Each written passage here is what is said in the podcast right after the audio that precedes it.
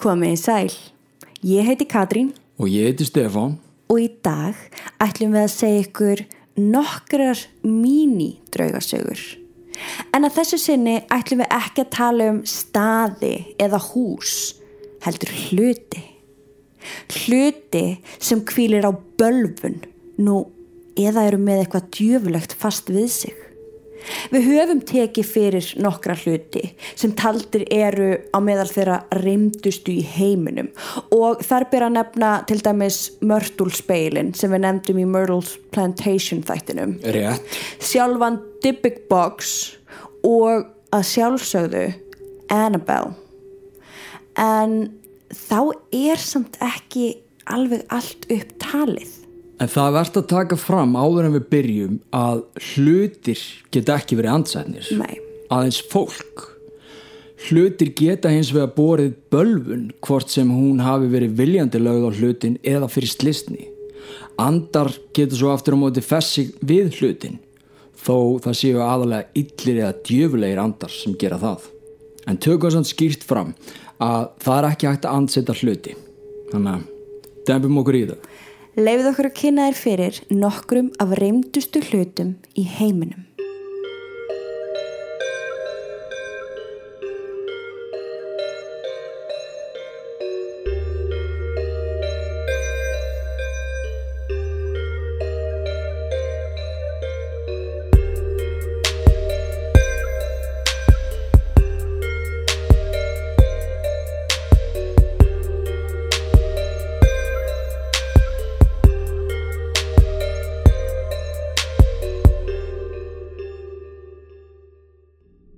Eins og ég sagði, þá eru þrýr hlutir sem við höfum áður tekið fyrir og verður saga þeirra því ekki endur tekin hér.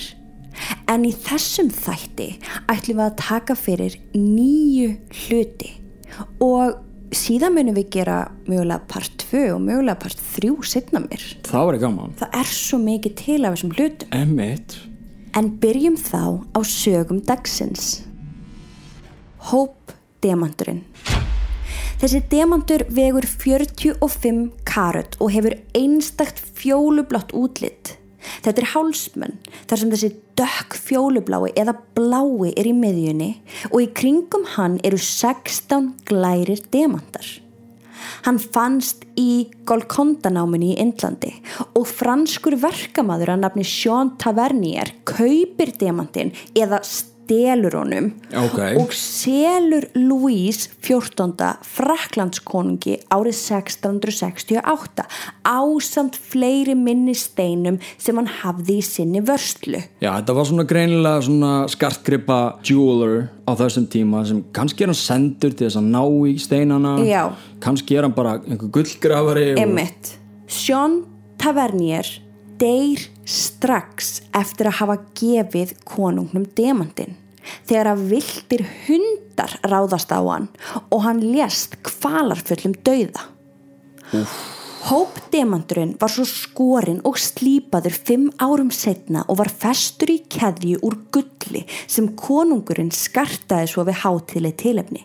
Þannig að þetta var ekki alltaf hálsmenn. Nei. Fyrst var þetta bara steinn, svo fær þessi konungur hann og greinilega á hann í fimm ár þanga til hann ákveður að taka hann upp Og byrja að vinna hann og slípa hann og Já. taka drullin á hann. og byrja að ganga með hann. Já, Louise XIV lést eftir að hafa barist við marga sjúkdóma allt frá því að demanturinn kom í höllinans sem sagt í fimm ár. vá, já. Eftir að seðlabanki frakka tók yfir eignarétti á konunglugu munum var demantnum stólið árið 1792. Það var svo ekki fyrir 1830 þegar eignir Bretlandskonungs Georg Fjörða voru teknar upp í skuldasúpu hans þar sem demanturinn frægi fannst aftur. Hann var það búin að vera týndur í 38 ár. Og við vitum í rauninni ekkit hvernig hann kemst frá Fraklandi Nei. yfir til Bretland. Nei. Þú veist, í hvaða höndum hann var eins og nátt á milli. Nei, það virðist engin vita það. Og maður, Þá fer hann í engasölu og það var akkurat þá sem að Henry Hope, guldsmiður, eignast steinin og það var þaðan sem hann fekk nafnið Hope Diamond. Sagt var að sá sem er eigandi demantsins sé eigandi heimsins en sé einni eigandi allra þeirra ílsku sem í honum býr. Ílsku sem engin levandi manneskja getur borið einn. Síðan þá er hægt að reykja 13 döðsföll til demantsins sem setur nú í Smithsonian safninu í bandaríkjónum. Þannig að þessi demantur er til sínis fyrir fólk. Já, ég var til að sjá hann. Já, ég líka. The Goddess of Death stittan. Hún fannst árið 1878 í Kýpur en talið er að stittan sé upprunalega yfir 3000 ára gömul. Vá. Hún fekk nafnið The Woman of Lamp eftir bænum sem hún fannst í og er sögðu verið að stitta af frjósemiskiðju þó enginn í rauninu viti hvað hún tákni. Veist, þetta er bara það sem fólk segir. Já, já, það er einhvern veginn veita enginn nema svo sem bjóna til. Það hafa margir talað um að á henni kvíli bölfun eða djöfulegt afl sé fast við hana. Hún lítur enkennilega út og í rauninni er mjög erfitt að útskýra útlit hennar. Allir eru sammála því að þegar fólk er beðum að lýsa henni er svarið oftast að þú verður bara að sjá mynd. Já. Og við munum setja inn myndir af öllum þessum hlutum inn á draugasögu.com. En ég ætla samt að reyna lýsinni fyrir okkur. ok. Þetta er grá stitta og hún er í læginu svo kona með hendur sem fara til beggja hliða og risastórar mjöðmir einhvers konar og fætur. Á höfðinu er síðan einhvers konar hattur sem líkir samt eila mér að tappa. Hvað myndir þú segja? Ég, sko, ég held nefnilega að þetta væri svona, jú, einhver svona kona Já. með fjórar hendur fattar út til Já, hliðana já, skil. sikkur um Já. en það er henni ógeðslega erfitt að útskýra hv- hvernig þetta lítur út Soldið. Allavega, þessi frjósemi stitta fekk fljótlega nýtt nafn. Gyðja Dauðans. En af hverju fekk hún þetta nafn? Af því að Lord Elfond, breskur innflýtjandi og fyrsti eigandi stittunar, konan hans og öll börnin þeirra fimm dóu ótímabærum dauða á sex árum. Vá, Það- það, það, er, það er valla tilviljun Nei, Stittan fer þó næst í eigu Ívor Manúki en hann deyr einnig ótímabærum dauða sem og allir í fjölskyldunans á því fjögur ára tímabili sem stittan var í eigu þeirra. wow Það sama gerst síðan fyrir þriðja eiganda stittunar, Lord Thompson, sem deyr fljótlega eftir komu stittunar á heimilið þeirra sem og konan hans og öll börnin. Þannig að hún Vá. drepi bara heilu fjölskyldunar. Já, já, ekki einn og einn Síðasti eigandi dauðastittunar svoköllu sem vitaðir um var Alan Biverbrook. Hann, konan hans og tvær dætur þeirra deyja öll á enn skemmri tíma en fyrri eigendur. Þá erfðu tveir uppkomnir sinir Alans stittuna. En logandi hrættir um að bölvun stittunar myndi núna leggjast á þá ákváðu þeir að gefa Royal Museum safninu í Edinborg, Skotlandi stittuna. Þeir vildu bara ekkert með hann að hafa. Næ, ég skil það mjög vel En bræðurnir deyja síðan skömmu síðar. Úff, Bara eftir að hafa losað sig við stittuna þá deyja þeir. jésus En bölvuninni var ekki aflétt því yfir safnvörðurinn sem tók við stittunni og sáum að kominni fyrir í síningasall, Já, hann dó líka sérkennilegum dauða nokkrum mánuðum eftir að stittan kom á safnið. nei Síðan þá hefur hún setið á safninu á bakvið þygt skotelt gler, harðlæst og er talin hafa áhrif á alla þá sem horfa of lengi á hana. En það er ekki hægt að tengja fleiri döðsfull við hana eftir Beint. þetta. Nei. ok Þannig að ef þú átt einhver tíma leið til Edinborgar getur þú kíkt í Royal Museum safnið og letið stittuna augum. En passaði þið samt að horfa ekki of lengi á hana. Mér langar líka svo hana Busby dauðastóllin Höldum nú til Norkshire í Englandi. Þar er brún viðarstóll sem bölfun er á. Árið 1702 kemur Thomas Busby inn á uppáhaldspöppin sinn og sér tengdaföður sinn setja í stólnum sínum. Allir vissu að þetta var eftirlætis staður Busby og að sætið væri hans, engungu. Tengdaföðurnum fannst nú allt í lægi að tilla sér samt í hann en Busby bregst nextlaður við og kallar tengdaföður sinn öllum yllum nöfnum og á í lífshótunum. Tengdafæðrin segist alltaf bjarga dóttur sinni frá honum því að hann var greinilega ekki allur eins og hann var séður.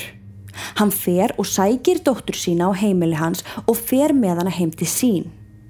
Busby verður enn reyðari og mætir heim til hans vopnaður bissu og skýtur tengdaföðu sinni í höfuðið. Því næst fer hann aftur á pöppin og hlamma sér í blessaða stólinn sinn þar sem hann er svo handtekinn skömmu síðar. Busby er ákjærður og dæmdur fyrir morðið á tengdaföðu sínum og fær dauðarefsinguna. Á leið á aftökustadin fær Busby leifi til að fá sér einn drikk á pöpnum í eftirlæti stólnum sínum sem endar með því að hann heitir því að dauði komi yfir hvern sem dyrfist að sitja í þessum stól. Eftir það var dómi hans uppfyllt með hengingu. Staðurinn fekk nafnið Busby Stoop Inn. Fjöldin allar á fólki let lífið eftir að hafa setið í stólnum eftir þetta. En það ber helst að nefna kanadíska hermen sem allir skiptust á að setja í hennum svo kallaða dauðarstól en engir þeirra sem fengur sér sæti snýru tilbaka lifandi úr setni heimstriöldinni þó aðrir úr liðsveit þeirra hafi gert það en það hafðu þeir ekki þórað að fá sér sæti. Árið 1967 voru tveir flugmenn sem ákvaða augra þjóðsögunni og tiltu þeir sér báðir í stólinn. Á leiðinni tilbaka á flugvöllin kerðu þeir af einhverjum ástæðum rakleðis og tré og let þeir báðir lífið samstundis. Fáinum árum setna voru tveir smiðir sem hafðu heyrt af hennum dulafulla stól í nákrenni við pöppin og ákvað annar þeirra að tilla sér í stólinn enda ekki hjátrú að fullra neinu leiti og taldi sögu hans verið ekkit annað en uppspunni. Smiðurinn sem sast í stólinn hrundi niður stiga setna um daginn og lést við fallið. Annar til viðbótar lést þegar hann fjall í gegnum þak sem hann var að gera við skömmu eftir að hafa setið í stólnum. Eitt sinn voru tveir félagar sem stoppuðu við á staðnum því annar þeirra ætlaði á klósitið. Hinn satt í stólnum á meðan og beigð. Þegar hann var búin að býða hansi lengi var félagans horfin og hverki sjáanlegur á salernum staðarins. Hann keirir því einn aftur í vinnuna en nokkrum klukkustundum setna kemur hinn alveg brjálaður yfir því að hann hafi verið skilin eftir. Hann gengur að honum með stein í hendi og mölvar á honum höfuðið þar til hann deyr, sá sem satt í stólnum. Wow. Mörg óútskýrt döðsföll hafa verið bendlu við stólinn þó ekki sé um beina tengingu að ræða. Ok. En þar ber að nefna ræstitækni sem var að skúra gólfstaðarins eitt sinn eftir lokun og mistigur sig svo hún fellur í stólinn. Ah. Hún vakna við mikinn höfuverk daginn eftir en þá kom í ljós að hún var með illkynja heilaægsli og hún lést nokkrum dögum síðar. Og ef það er ekki nóg, þá var atvikið sem endanlega gerði útslæði þegar að sendibílstjóri sati í stólnum í hátegisliðið sínu og dó nokkru mínutum síðar þegar hann kyrði á tré. Þetta er mikið að döðsföllum. Wow. Þetta er rosalegt. Sko eftir þetta þá fekk eigandi staðarins bara alveg nóg og gaf þrisksafninu stólinn þar sem hann hefur verið varðveittu síðan. Hann þurfti sem tala að býða þanga til að það voru nóga margi döður. Emitt. Ok. Busby döðastólinn hangi nú í lofti í einum salsapsin svo að enginn setjist í hann. Ekki einu sinni óvart. Wow. Já, það er sniðut. Hands Resist Him málverkið. Listaverkið er málað af William Stoneham árið 1972. Það er af ungum dreng sem starir beint fram á við. Bakviðan er glerhurð þar sem má sjá hendur reyna snerta drengin. Við hlið hans er svo óhuguleg útlitandi stúlka en þegar betur er að gáð er hún með hólótt augu. Liðamót hennar viðfast först með samskeitum eins og hún sé dúka og výrar koma út úr henni. Þegar málverkið var fyrst sínt á sapni í Los Angeles var listmunagagrinandi sem létt lífið í slisi eftir umfjöldun sína um verkið. Sama var að segja um sjálfan eigandasapsins sem einnig létt lífið eftir að verkið kom á sapnið. Málverkið virtist svo hafa týnst eftir það, nú eða falið og kemur ekki aftur á yfirborðið fyrir en árið 2000 á eBay þar sem hjón heldur því fram að verkið var í reynd og þau urðu að losna við það því að bölfun fylgdi því. Þau sögðu að drengurinn og stúlkan á myndinni fær að rýfast á nætuna með háværum látum sem vöktu hjónin og fjögrar á dóttu þeirra sem sagðu þau oft koma til sín inn í herbergi. Krakkarnir á myndinni breytt oft um sveip eða stellingar Þau setju preyfimyndavél við málverkið þrjár nætur í röð þar sem þau koma auga á drengin og stúlkuna hlaupa út úr verkinu óttastlegin líkt og þau væri að flýja frá einhverjum eða einhverju. Margir eða réttar að sagt þúsundir sem horfið á mynd á málverkinu þó ekki væri nema í gegnum tölvu upplifðu að drengurinn væri að horfa beint inn í sálina þeirra og hafa upplifað undarlega atbyrði síðan. Það er réttast að taka fram að við mælum ekki með því að fólk horfi of lengi á myndina af málverkinu sem við setjum inn á draugarsögu.com.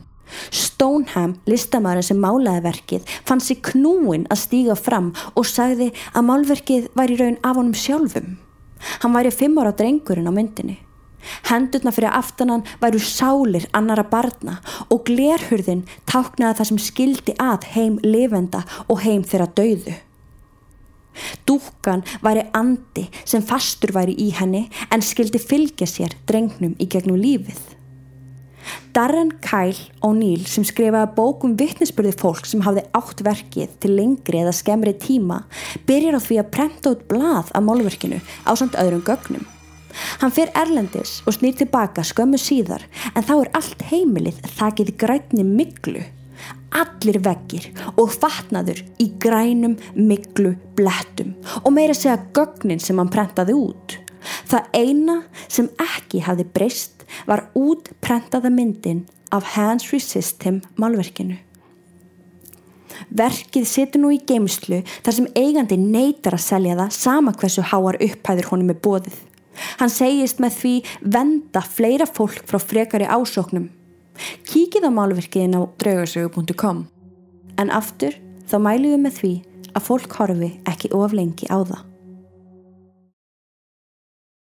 Við steppi höfum brallað ímislegt saman í gegnum tíðina og þó við séum þannig fólk að við viljum gera allt sjálf þá vitum við að stundum þarf maður fámann í lið með sér. Eins og til dæmis þegar að koma ljósmyndun fyrir fatalínun okkar front, nú eða það nýjasta þegar okkur vantaði drónavídjó af höfða. Við vitum að gæði skipta máli þegar kemur að því að auglýsa vörur og fyrirtæki og þegar maður vill ramma en minningar þá vill maður að myndirnar séu faglega unnar og helst að enginn tæki eftir því að börnin hafi söllið á fínu fötin sín eftir að hafa verið í þeim í fimm mínútur. Við kennum það. Við þurfum fagmann í verkið þegar kemur á fjölskyldumyndatökum. Þar geta verið krefjandi. Þess vegna höfum við verið í nánu samstarfi auð Kristvin hjá Æsland Fótó. Þegar ég fór til hans fyrst fann ég hvað maður þægilegur í samskiptum því hreinskilinslega þá finnst mér mjög óþægilegt að láta taka myndir af mér. Hvað þá í stúdiói uppstilt? En hann let mér líða vel. Þetta var ekkert þvingað og ég fekk að taka minn tíma sem ég fannst gott. Brúðkaup, skýr, tónleikar, fermingar, fjölskyldiða barnamyndatökur, Kristvin hjá Æsland Fótó er eitthvað maður. Þú getur bóka tíma hjá honum inn á kristvin.com eða á Instagramunans undir nafnunu iceland.photo. Bassano-vasin Talin vera frá 15. öld, silfraður og vegur um 2 kíló. Upprunalega frá Ítalíu þar sem ung brúður fekk hana gjöf deginum fyrir brúðköpsitt en hún fekk aldrei tækifæri á að ganga niður kirkigólfið og játast sínum heittelskaða því hún fannst látin morgunin fyrir brúðköpið hennar. Málið var ekki rannsakað og því ekki vitað hvort dauði hennar hafi borið það með sagnarum hætti. Vasin var því gefin öðrum fjölskyldumöðlum en sá aðili dó einnig dægin sem hann fekk vasan. Þriðji fjölskyldumæðlumurinn tók þá við vasanum en hann lést samstundis eftir að hafa tekið við honum. Fjölskyldan taldi á þessum tímapunkti að bölfun kvild á vasanum og hver sem myndi eigan myndi deyja. Þau grófi því vasan sem var ósnertur árum og öldum saman. Vasin kemur svo ekki eftir á yfirborðið fyrir árið 1988 þar sem maður finnur vasan við gröft í gardinum sínum. Inn í vasanum er meði sem ástendur varúð þessum vasa fylgir dauði. Vasin var fljótt settur á uppbóð þar sem hann var seldur livjafræðingi fyrir heilar fjórar miljónir ítalskra lýra. Það er mikið. Livjafræðingurinn lést þremur mánuðum eftir að vasin kom á heimili hans. Fjölskylda hans seldi því næst lækni vasan sem einnig dó þremur mánuðum setna.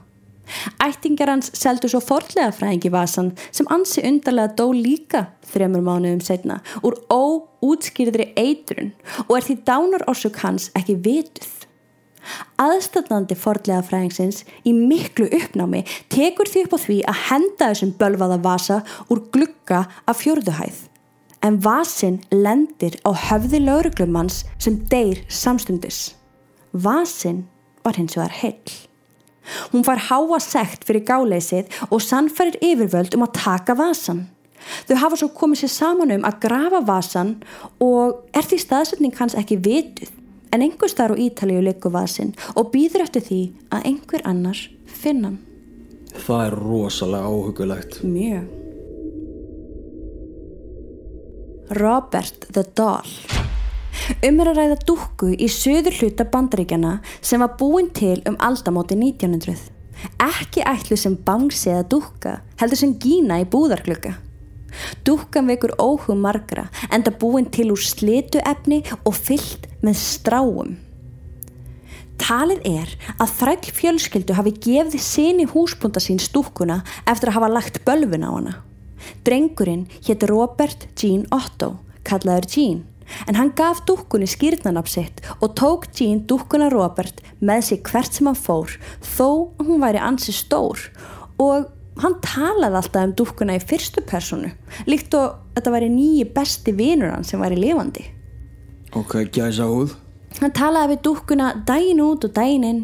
Þar til einn daginn fór dúkkan að svara honum tilbaka með dimri og djúbri röttu held tók dúkkan líf fjölskyldunar og vöknuðu þau og hverri nóttu við það að búið var að snúa húsgögnum á kvolf Eftir því sem Jean var eldri varð máttur dúkkunar meiri og fljótlega byrjuðu leikfang Jeans að eiðileggjast, bílar brotnir í tvent, böngsum mistyrmt og þannig fram eftir gödum og alltaf saði Jean að Robert hafi gert það. Önnu leikfang mætti hann ekki leika sig með. Eitt sinn þegar pípari var á störfum í húsinu heyrir hann barnslátur en hann vissi að hann var í einn í húsinu. Hann lítur inn í eitt herbergi og kemur auða á dúkkuna Robert, setja í glukkanum. Hann heldur áfram að vinna en heyrir svo hláturinn aftur. Hann kíkir í barnaherbyggið á ný og sér að dúkkan situr nú í rúmunu á hinum enda herbyggisins. Hann forðaði sér út og kom aldrei aftur. Jean átti heima í 534 Eaton Street alla sína tíð og þegar hann giftist heitkonu sinni Annie bygguðu hjónin þar saman um ára byl. Annie var mjög ítla við dúkkuna og óskaði ítrekka eftir því að Jean læst hann einhver staðar af. En Jean var ekki á sama máli og endaði á að innrétta háaloftið sem sérstakt herbergi bara fyrir dúkkuna Robert. Dúkkan sást oft í glugganum reyfast og færðist ítrekka úr stað af sjálfum sér sem vakti svo mikinn óhug að fólk hætti alfarið að ganga fram í húsinu og fór aðra leið í staðin. Jean Otta deyr svo árið 1974 og er kona sem kaupir húsið og þar með dúkkuna í kaupæti. Hún bjóð með dúkkunni í 20 ár eða þar til hún fekk endanlega nóg og gaf Martello-safninu dúkkuna og hjælti fram að dúkkan væri stór hættuleg. Og þar setur Robert enn og hrellir starfsfólk og er talin hafa áhrif á allar myndir sem teknar eru af honum. Því ef þú beður vist Robert ekki um leifi að fá að taka mynd af honum þá bilar myndavilin þín eða hún verður skindilega batterislaus. Þetta gerist líka með síma. Allar myndir eru blöraðar. The Anguished Man Anguished Man er sem sagt draugamálverk. Þetta málverk er núna í eigu Sean Robinson en hann erði málverki frá ömmu sinni. Ammans var vissum að málverkið væri bölvað. Það er ekki vitað hver málaði verkið en sagt er að það hafi verið málað af andlega veikum manni sem notaði sett eigið blóð í málverkið og framdi síðan sjálfsmorð. Það er alveg hugulegt. Mjög. Úff. Amman sem átti málverkið fyrst í fram að þegar hún horfið á málverkið gæti hún séð mannin sem málaði það og að hún heyrði hlátur, grátur og kvísl. Sean fullirði nú að aðrir fjölskyldumæðlimir upplifið það sama. Hann er með nýju myndbönd sem hann hefur sett á neti þar sem hann skilur eftir myndavili gangi og að sjálfsögðu skulum við setja link inn á draugasögu.com Já, þú sagði mig þetta. Ég varð að kíkja á þetta. Þessi myndbönd eru virkilega óökuleg. Í fyrsta myndbandinu sýnir hann okkur málverkið og skilur síðan myndavillin eftir í gangi í 8 klukkustundir. Allt Ok. í einu heyrir maður eitthvað klóra í málverkið eða í veggin. Hurðin lokast og hávarlæti byrja eins og eitthvað sé að detta en þegar Sjón vaknar þá er allt eins og það á að vera. Þetta er virkilega óökulegt að heyra. Vá, já, sérstaklega, þú veist, eða þú ert með sannanir. Emmett. Vá. Málverkið er lokað upp á háaloftun hans en konan hans hefur fundið einhvern strjúka sér um hárið og sinni þeirra hefur verið hrind af ósýðu afli. Sjón sjálfur segist að það sé undarlegt mistur hverfa skyndilega í steganum og þetta mistur hefur hann náð á myndband. Ég sá það. Ok. Þetta er mjög ábyrrandi. Að það, Já, já. þetta fyrir ekki á millum Nei, nei, nei, nei, nei. Ok, ég var að sjá þetta. Það er ekki vitað hvað Sean hyggst gera við málverkið en hann hefur tekið að skýrst fram að hann mun ekki selja það. Sagan um málverkið er virkilega óguleg en ég mæli með að þið kíkja á vídjón og sjá þetta sjálf og heyri hljóðin sem málverkið gefur frá sér. Valentínórhingurinn Verslunareigandin vild aldrei selja hringin. Hann er bölvaður, sagðan, og hann er kallaður Ring of Destiny. En fyrir Hollywood-leikaran Rudolf Valentino sem sá hringin í verslun í San Francisco skipti það ekki máli. Þessi einfaldi silfurhingur var fullkominn. Hann varð að eignast hann, svo hann kipt hann. En það kom síðar í ljós að mögulega hefði hann átt að hlusta á orð verslunareigandans og láta hringin vera. Árið 1920 var Valentino kvikmyndastjarna.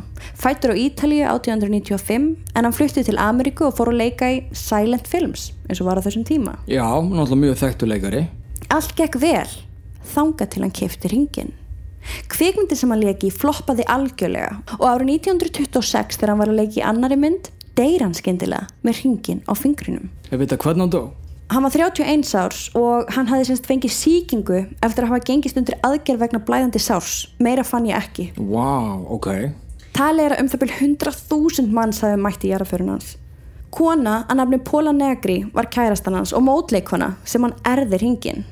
En allt í einu fór hann að gangi ítli í Hollywood og fyrirlennar bara endar skyndilega sér svona. Hún ákveður að fara með hringin til söngvara að nafni Russ Colombo sem mynda hana á Valentino. Ekki lengi eftir að hann tekur við hringnum lætur hann lífið í skotárás.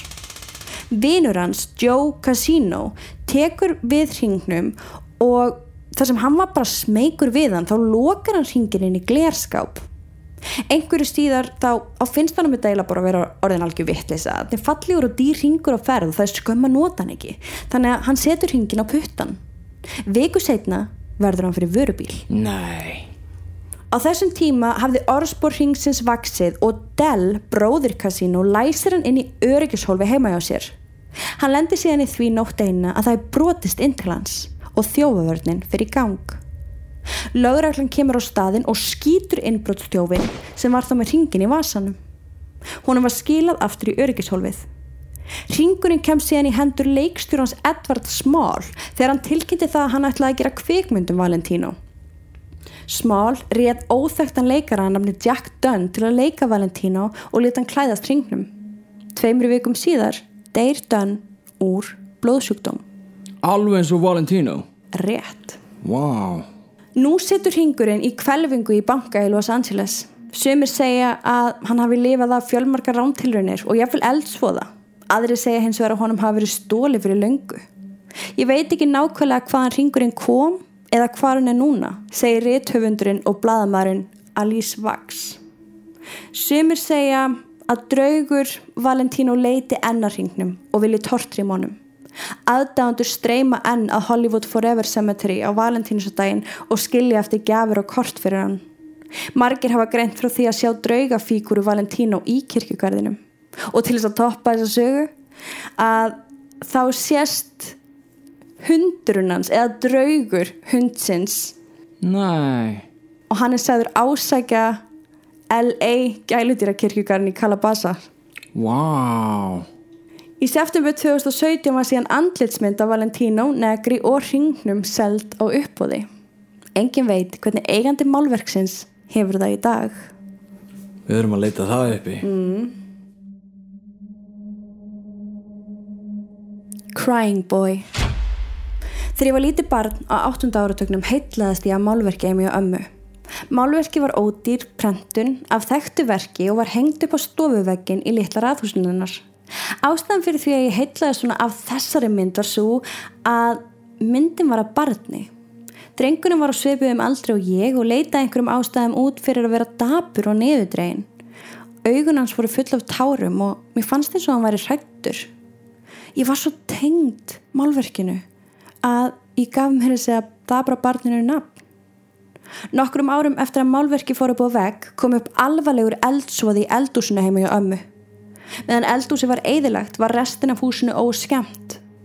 Þrátt fyrir þetta var málverkið af drengnum fjarlægt og hent á haugana á samt innihaldi eldúsins sem hafði eðilagt í brunanum.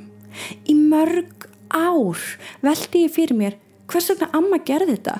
Af hverju hent hún málverkinu af litla stráknum? Það hafði ekki eðilagst í eldinum. En mörgum árum setna fekk ég svar við þessari spurningu þegar ég las grein í bladi um bölvaða málverkið af The Crying Boy. Þetta byrjaði allt á 5. áratígi þegar spænskur listamæður að nafni Giovanni Bragolini bjóð til málverkaserju sem síndi ungt barn grátandi. Hann seldi þessi málverk til ferðamanna sem áminning um munaðlega börn í síðari heimstriöldinni. Ótrúlegt en satt, þá var þetta málverk mjög vinsælt og sérstaklega hjá ungum pörum í Englandi þannig að málverkin voru fjöldaframleitt í prentformi. En sagan um verkið allir skelvingu og eftir það laug vinsældum verka Bragolini. The Sun byrti grein sem bar yfirskriftina Blazing Curse of the Crying Boy. Sagan lýsir hræðilegri upplifun May og Ron Hall eftir að heimilið þeirra í Rotterham var eigðilegt í eldsvoða. Orsök eldsins líkt og hjá ömmu minni var spónarpanna sem ofhittnaði og út frá því braust út eldur. Eldurinn breytist hrætt út og eigðilaði allt á jarðhæðinni. Aðeins einn hlutur var ósnortin, prentuninn af The Crying Boy sem var á stofuvegnum. Sumir heldur því fram að málverkið hefði valdið dauða fjölskyldumæðlema. Aðrir greindu frá því að þegar þeir reyndu að brenna myndina gætu þeir það ekki. Það var eins og það kviknaði bara ekki í henni sama hvað þeir reyndu. Jafnvel veitingastæði með Crying Boy prentun voru brendið til grunna. Slökkulismadurinn Alan Wilkison fullirti að eldarni væru ekki yfirnáttúrulegir atbyrðir og væru aflegin kæruleysins. Hann viðkendi hins vegar að hafa líst yfir meira en 50 grátandi strák eldum síðan 1973. Hættu, vá Og hérna eru bara svona nokkra, svona nokkri punktar sem tengjast þessum málverki. Sko, kona í Sörri missir húsið sitt í eldsvoða halvu ári eftir að hafa kæft málverkið. Tvær sýstur í Kilburn mistu heimili sitt í eldsvoða eftir að hafa kæft afritt af málverkinu. Einn sýsturinn sagðist mér þess að hafa séð málverki söiblast fram og tilbaka á vegnum. Heiðismar í Nottingham sem átti prenta málverkinu misti heimili sitt og fjölskyldan hans slasaðis. Pítsustæður í Norfolk var eðilaður þar sem að allt brann nema þessi mynd af The Crying Boy. Wow. Fólk vildi núna losa sig við þessi málverk en það var hægara sagt en gert. Sumir heldur því fram að þeir upplöðu óhefni ef þeir reynda tortrim að losa sig við málverkin. Aðrir voru samferður um að það væri bara tímaspusmál hvernar hörmungar myndu eiga sér stað. En að lokum bauð dagblæðið þeir sönn upp á laust. Á hrekkjavöku árið 1985 var hundruðu málverka sapnað saman af dagblæðinu og brent undir eftirliti slökkviliðsins. wow. þú veist hversu stórt ég, ég vissi þetta ekki Nei. wow. En af hverju var þetta málverk svona bölvað Einn sagan fullir þeirra strákurinn á málverkinu hafi verið munalaus og búið í Madrid. Þrátt fyrir viðvörum presta um að eldar kviknuðu hvert sem drengurinn fór ákvað listamæðurinn að ætliða barnið. Nokkru síðar brann vinnustofa listamannsist í kaldra kóla og litli strákurinn hljópi burtu og sást aldrei aftur. Hvert sem litli munaleysingin fór fylgd honum eldur á dulafullan hátt og endanum fekk drengurinn nafnið Diablo eða Djöfull. Úf. Já, þetta er náttúrulega frækt málverk ég, ég þekkti marga sem að voru með þetta á heimilu sínum bara hérna á Íslandi Já, Já, og svo var staður held ég miðbæri Reykjavíkur bara núna nýlega sem að skartaði bara alls konar útgáfum af Crime Boy á Mm, já, vegnum já. kannst ekki eitthvað þetta? jú, sko ég man ekki hvað staður það er en ég veit að það, það er til alls konar útgáfa af þessari mynd. Já, Mér finnst bara ótrúlega áhugavert samt að það hefur verið gert svona mikið úr þessu. Þú veist, ég held að Já. slökkuliði sé ekkit endilega bara eitthvað svona já, þú veist, ég held að taka þátt í einhverju einhverjum kjánagang. Nei, Þú veist, nei. þetta greinilega var orðið þannig að fólk var bara virkilega hrætt. og eins og hann sagði þú veist, að allan að einhver þeirra að hann hafi farið í 50 mál Já, hann segir, þú veist, ég vil ekki segja að þetta sé eitthvað að eldrun hafi komið út af einhverjum yfirnáttúrulega Nei, en samt sem áður það voru alveg 50 mál sem að tengdust þessu málverki eða þetta málverk var allavega þarna inni Hmm. þannig að þetta eru sögur dagsins um, ég vona að ykkur hafi fundist gaman að heyra um þessa hluti. Okkur finnst mjög gaman að skoða þá. Já, þetta er æði. Hvetjum ykkur endilega til þess að kíkja á myndirnar af þessum gripum? Já, kikið inn á draugasögu.com og við settum að sjálfsög líka inn vídjón sem við töluðum um af The Angushed Man. Úf, já, ég var að kíkja á það núna. Þángu til næst